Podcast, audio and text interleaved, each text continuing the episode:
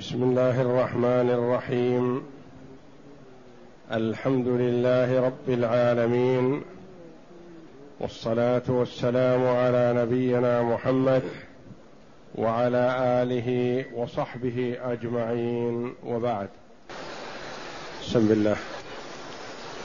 أعوذ بالله من الشيطان الرجيم. إن تكفروا فإن الله غني عنكم ولا يرضى لعباده الكفر وإن تشكروا يرضه لكم ولا تزر وازرة وزر أخرى ثم إلى ربكم مرجعكم فينبئكم بما كنتم تعملون إنه عليم بذات الصدور. وإذا مس الإنسان ضر دعا ربه منيبا إليه ثم إذا خوله نعمة منه نسي ما كان يدعو إليه من قبل وجعل لله أندادا ليضل عن سبيله. قل تمتع بكفرك قليلا انك من اصحاب النار. هذه الآيات الكريمة من سورة الزمر. يقول الله جل وعلا إن تكفروا فإن الله غني عنكم ولا يرضى لعباده الكفر وإن تشكروا يرضه لكم ولا تزر وازرة وزر أخرى. ثم إلى ربكم مرجعكم فينبئكم بما كنتم تعملون. إنه عليم بذات الصدور. بين جل وعلا في الآيات السابقة. كمال قدرته في خلق السماوات والأرض.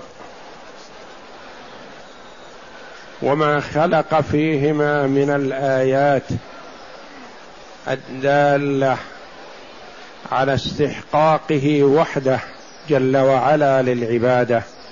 ثم بين ما أنعم به على العباد.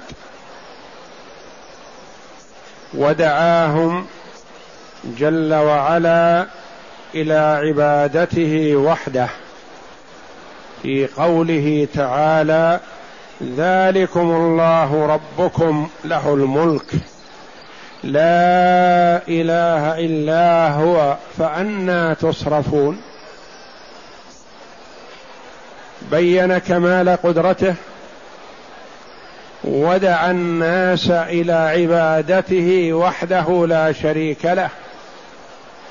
ثم بين جل وعلا في هذه الآية الكريمة أنه غني عن العباد.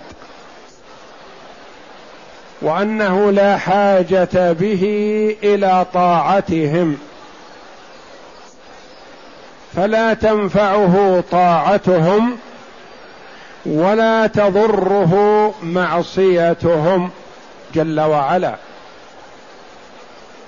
وإنما دعاهم لعبادته لينتفعوا هم بذلك. فهم المنتفعون. فدعاهم لذلك رحمة بهم. ليسعدوا في الدنيا والآخرة. وإلا فإنه جل وعلا لا تنفعه طاعتهم كما لا تضره معصيتهم. فقال تعالى إن تكفروا فإن الله غني عنكم. دعاكم إلى توحيده فإن استجبتم فلحظكم ولسعادتكم. وإن تكفروا فإن الله غني عنكم. لا حاجة به إليكم. وإنما وبال كفركم يعود إليكم. إن تكفروا فإن الله غني عنكم ولا يرضى لعباده الكفر. لا يرضى جل وعلا لعباده الكفر. لا يحب لهم الكفر. وإنما يرضى لهم أن يطيعوه يرضى لهم أن يعبدوه يرضى لهم أن يؤدوا ما خلقوا من أجله فهم خلقوا من أجل عبادته. فهو جل وعلا مع غناه عن عبادتهم وعدم تضرره بكفرهم لا يرضى لهم الكفر لا يرضى لهم الكفر ولا المعصية وإنما يحب لهم الطاعة لينتفعوا هم ولا يرضى لعباده الكفر.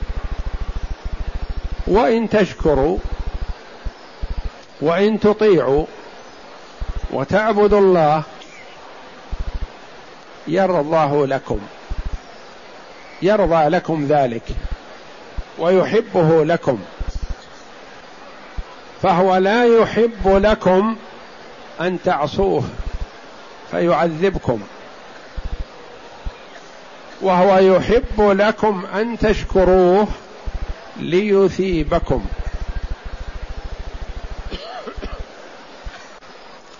وإن تشكروا يرضه لكم. يرضه فيها ثلاث قراءات سبعية.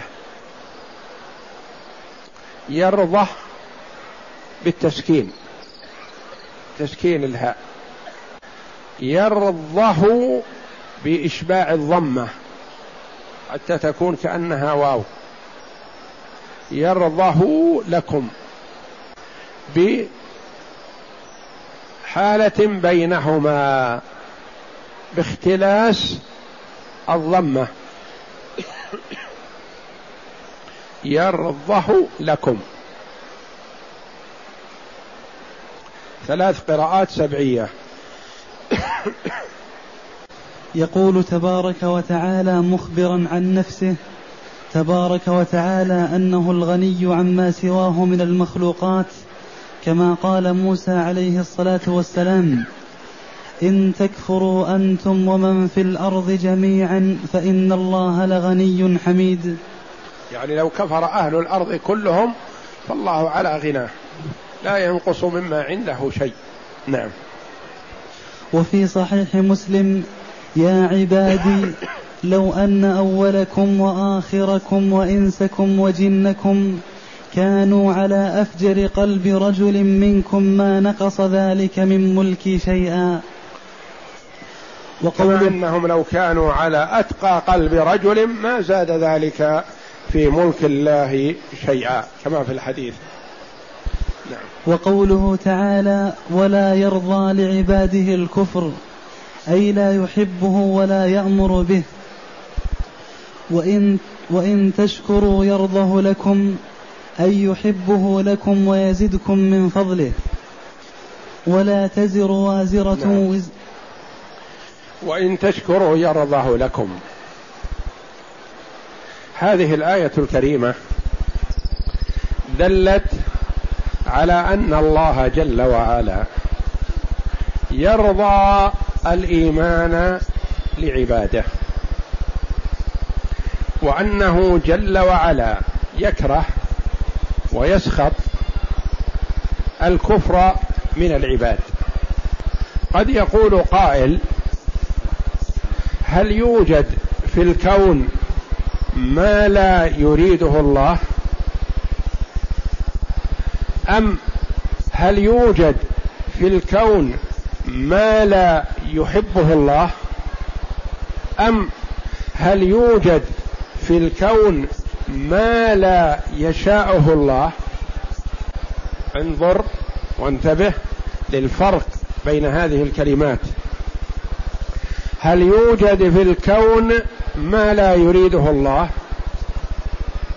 هل يوجد في الكون ما لا يشاءه الله؟ هل يوجد في الكون ما لا يرضاه الله؟ نقول الجواب لا يوجد في الكون ما لا يريده الله الإرادة الكونية.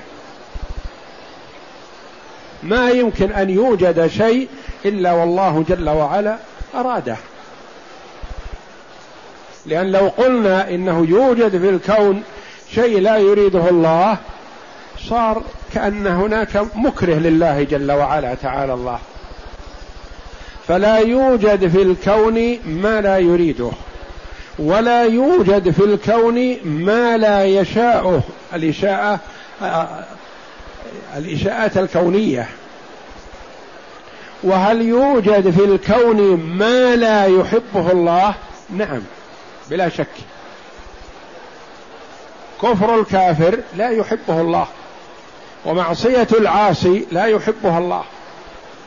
إذا كيف يوجد في الكون ما لا يحبه الله؟ نعم نقول يوجد في الكون ما لا يحبه الله لكن الله جل وعلا أراده.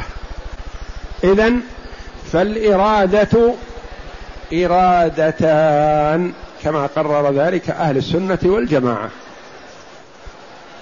الإرادة إرادتان. إرادة كونية توافق المشيئة. مثل المشيئة. وإرادة شرعية. مثل المحبة. أراد الله جل وعلا ذلك وأحبه. اذا الإرادة إرادتان. إرادة كونية وإرادة شرعية. تجتمعان في حق بعض العباد. وتفترقان في حق بعض الخلق. تجتمعان في من؟ الإرادة الكونية والإرادة الشرعية.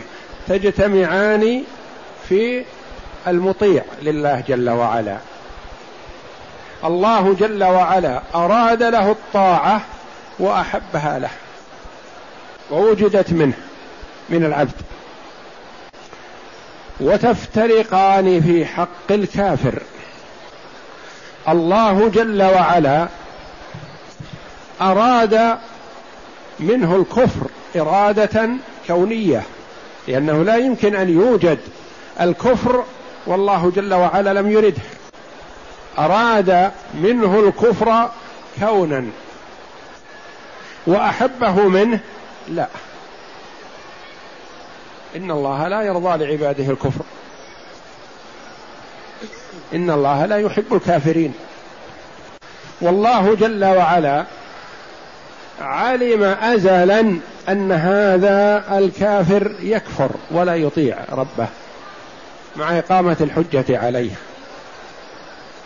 وعلم جل وعلا ازلا أن هذا المطيع يطيع الله جل وعلا. لأن لو قلنا إن الله ما أراد الكفر من الكافر كونا لا لأوجدنا في الكون ما لا يريده الله وهذا لا يمكن لأنه لا يحصل في الكون إلا شيء أراده الله جل وعلا. وإنما نقول يكون في الكون ما لا يحبه الله. فكفر الكافر. أراده الله جل وعلا. لكن هل أحبه؟ لا. اذا فالإرادة إرادتان. إرادة كونية وإرادة شرعية. الإرادة الكونية والإرادة الشرعية تجتمعان في حق المطيع المؤمن. الله جل وعلا أراد له الإيمان فآمن. وتنفرد الإرادة الكونية في حق الكافر. فالله جل وعلا أراد له الكفر لحكمة يريدها الله جل وعلا. وهو لا يحبه. وأقام الحجة على هذا. الحجة قائمة عليه. ولحكمة قد نعقلها وقد لا نعقلها. إرادة الكفر من الكافر. قد نعقل بعض الشيء ولا نعقل أشياء كثيرة لا ندركها. لكن مما ندركه كما قرره العلماء رحمهم الله بإرادته جل وعلا الكفر من الكافر أقام الله جل وعلا الجهاد في سبيل الله.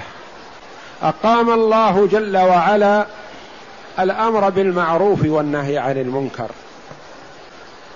خلق الله جل وعلا النار.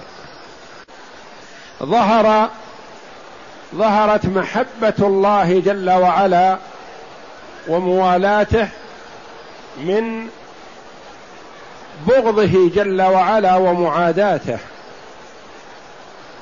فالمؤمن يوالي في الله يحب المؤمن ويبغض الكافر. لولا وجود الكافر ما ظهر هذا الشيء. لولا وجود الكافر ما قام الجهاد في سبيل الله. لولا وجود الكافر ما قام الأمر بالمعروف والنهي عن المنكر والدعوة إلى الله جل وعلا. كان الناس كلهم على وتيرة واحدة. لكن لحكمة يريدها الله جل وعلا جعل الكفر لمن شاء وجعل الإيمان لمن شاء.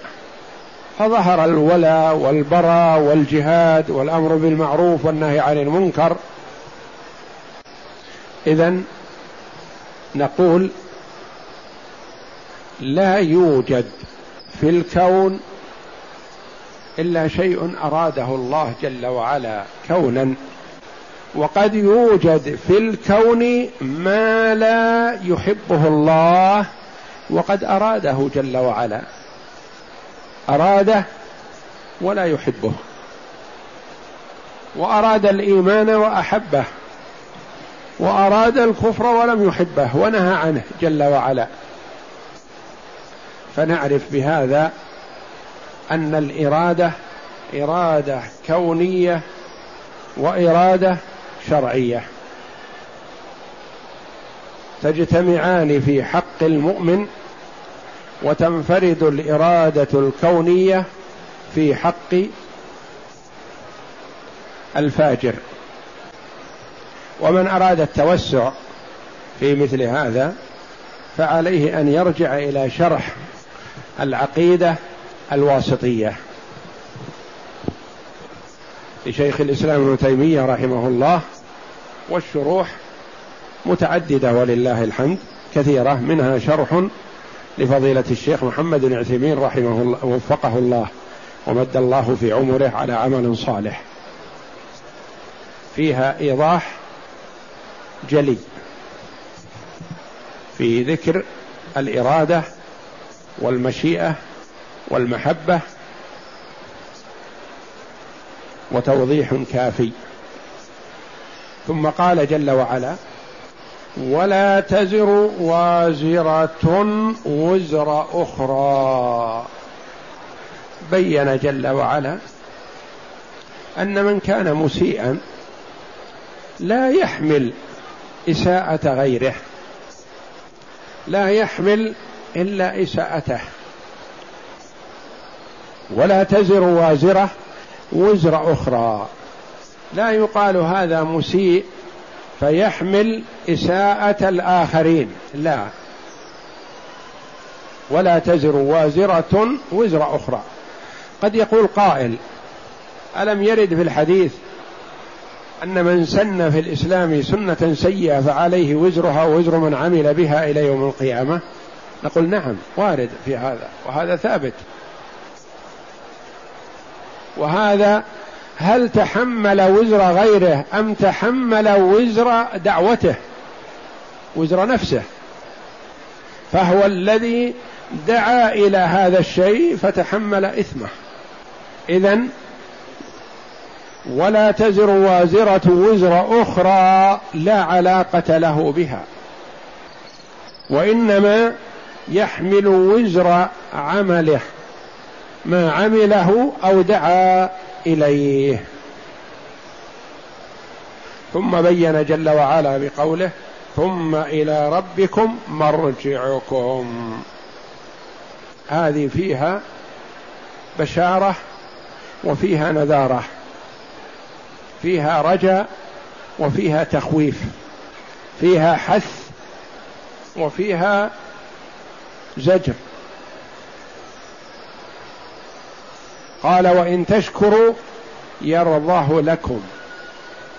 ثم مردكم إلى أين؟ إلى الله جل وعلا فيثيبكم على شكركم. فيها بشارة. أنت إذا شكرت الله إلى من تؤول أنت؟ إلى الله. فأبشر بثواب شكرك. ولا يرضى لعباده الكفر. فالكافر إذا كفر إلى أين مرده؟ العاصي إذا عصى إلى أين مرده؟ إلى الله. ففي هذا نذاره وفي تخويف. انتبه. أنت تعصي من؟ تعصي من ترجع إليه من مآلك إليه. المرء قد يعصي من لا يظن أنه سيلقاه. لكن إذا علم العبد أن مرده إلى من عصاه ألا يكون عنده خوف من هذا؟ ألا يكون هذا تنبيه له وزجر؟ لا تعصي من مرجعك إليه.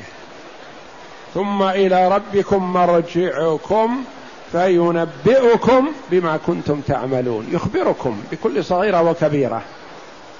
اولا علم الله جل وعلا وأحاط علما بكل ما عمله العبد. ثم ما جرى عليه القلم. ثم ما سجلته الحفظة الكرام الكاتبون. ثم ما تنطق به الجوارح تشهد عليهم. كل هذه شواهد فينبئكم بما كنتم تعملون بما سجل عليكم بما تنطق به جوارحكم. يوم نختم على أفواههم وتكلمنا أيديهم وتشهد أرجلهم بما كانوا يكسبون. فينبئكم بما كنتم تعملون إنه وينبئكم جل وعلا لأنه تعالى عليم بذات الصدور عليم بما في قلوبكم من الإيمان والكفر من الغش من الإخلاص من الطاعة من المعصية من النفاق من الخوف من الله جل وعلا وهكذا. كل ما انطوى عليه القلب فهو جل وعلا عالم به لا تخفى عليه خافية. بخلاف حال المرء في الدنيا فقد يكون منافقا ويكون في المقدمة عند الناس لأن له لسان يتزلف به ويتقرب إلى من يريد بلسانه فيظن أنه صادق فيقدم. وهو منافق. لأن الناس لا يعلمون إلا الظاهر. وأما الله جل وعلا فهو يعلم ما في القلب من خير وشر. من إيمان وكفر. من إخلاص ونفاق. من صدق وكذب. إنه عليم بذات الصدور. نعم. ولا تزر وازرة وزر أخرى أي لا تحمل نفس عن نفس شيئا بل كل مطالب بأمر نفسه. ثم إلى ربكم مرجعكم فينبئكم بما كنتم تعملون إنه عليم بذات الصدور. أي فلا تخفى عليه خافية. وقوله عز وجل وإذا مس الإنسان ضرا دعا ربه منيبا إليه. وإذا مس الإنسان ضر. وإذا مس الإنسان ضر دعا ربه منيبا إليه. أي عند الحاجة يتضرع ويستغيث بالله وحده لا شريك له. نعم. وإذا مس الإنسان ضر. يبين جل وعلا حال الإنسان. وجزعه ورجوعه إلى الله عند الحاجة ثم إعراضه ونسيانه لفضل الله إذا استأغناه الله وأن الإنسان كفور يكفر النعمة ولا يعترف بها لله جل وعلا والإنسان من حيث هو إنسان كما قال الله جل وعلا والعصر إن الإنسان لفي خسر. إن الإنسان لفي خسر. أي إنسان في خسارة إلا من استثنى الله جل وعلا. وهنا وإذا مس الإنسان ضر دعا ربه منيبا إليه. وإذا خوله نعمة هذا في الكافر لأن هذه صفة الكافر. وأما المؤمن فليس بهذه الصفة. وإذا مس الإنسان ضر يعني ألم وجع فقر حاجة كربة كان في لجة البحر وخشي الغرق والهلاك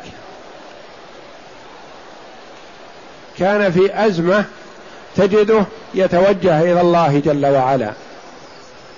ويقبل على الله ويسأل الله كما قال الله جل وعلا وإذا ركبوا في الفلك دعوا الله مخلصين له الدين. فلما نجاهم إلى البر إذا هم يشركون. وإذا مس الإنسان ضر دعا ربه منيبا إليه يعني مقبلا على ربه متوجها إلى الله جل وعلا بقلبه وقالبه ثم إذا خوله يعني أعطاه وتفضل عليه نعمة نسي ما كان يدعو إليه من قبل. كأنه لم يصب بأذى كأنه لم تأته مصيبة. نسي الدعاء الذي كان يجأر فيه إلى الله ونسي المصيبة التي جعلته يجأر إلى الله جل وعلا. نسي ما كان يدعو إليه من قبل ولم يكتف بذلك بل جعل هذا بل أخذ يصرف الناس عن طاعة الله ويمنعهم من طاعة الله. فذكر جل وعلا عدة أوصاف لهذا الإنسان الفاجر. اولا ينسى المصيبة ينسى الدعاء الذي كان يجأر فيه إلى الله. ثانيا جعل لله أنداد عبد مع الله غيره. ثالثا أخذ يضل الناس. بعدما ضل هو في نفسه يضل الآخرين والعياذ بالله. وجعل لله أندادا أي شركاء وأمثالا ونظرا ليضل ليضل عن سبيله. يصرف الناس عن طاعة الله جل وعلا. فهو ضل في نفسه وحرص على إضلال الناس. ليضل عن سبيله. فأمر الله جل وعلا عبده ورسوله محمدا صلى الله عليه وسلم أن يتوعد هذا وأمثال أن يتوعد هذا وأمثاله بقوله قل تمتع بكفرك. تمتع فيما أعطاك الله من الصحة والعافية والرزق والجاه والمال وسائر متاع الدنيا تمتع به. فإنه متاع زائل وقليل. تمتع بكفرك قليلا حتى لو عمر مئة السنين. فنسبة عمر المرء في الدنيا بنسبته إلى الآخرة كلا شيء. لأن الآخرة باقية مستمرة دائما وأبدا. والدنيا عمر فيها المرء ستين سنة أو ثمانين سنة أو مئة سنة أو مئة وعشرين سنة أو أكثر من ذلك هي قليلة. لو قيل للمرء الذي عمر أكثر من مئة سنة كيف رأيت الدنيا؟ قال كمن دخل من باب وخرج من الباب الآخر. قل تمتع هذا وعيد. أمر فيه تهديد. تمتع بكفرك قليلا فمتاع الدنيا قليل بالنسبة للآخرة. إنك من أصحاب النار. تمتع ما تمتعت به فالنار أمامك. فمهما أعطي من متاع الدنيا فإنه كلا شيء بالنسبة لعذاب الآخرة والعياذ بالله. نعم. وإذا مسكم الضر في البحر ضل ما تدعون إلا إياه فلما نجاكم إلى البر أعرضتم وكان الإنسان كفورا. ولهذا قال تبارك وتعالى ثم إذا خوله نعمة منه نسي ما كان يدعو إليه من قبل أي في حال الرفاهية ينسى ذلك الدعاء والتضرع كما قال جل جلاله وإذا مس الإنسان الضر دعانا لجنبه أو قاعدا أو قائما فلما كشفنا عنه ضره مر كأن لم يدعنا إلى ضر مسه من قبل. وقوله تعالى وجعل لله أندادا ليضل عن سبيله أي في حال العافية يشرك بالله ويجعل له أندادا. قل تمتع بكفرك قليلا إنك من أصحاب النار. أي قل لمن هذه حالته وطريقته ومسلكه تمتع بكفرك قليلا وهو تهديد شديد ووعيد أكيد كقوله تعالى قل تمتعوا فإن مصيركم إلى النار. وقوله تعالى كقوله وقوله تعالى. وقوله تعالى نمتعهم قليلا ثم نضطرهم إلى عذاب غليظ. والله أعلم وصلى الله وسلم وبارك على عبده ورسول نبينا محمد وعلى آله وصحبه أجمعين.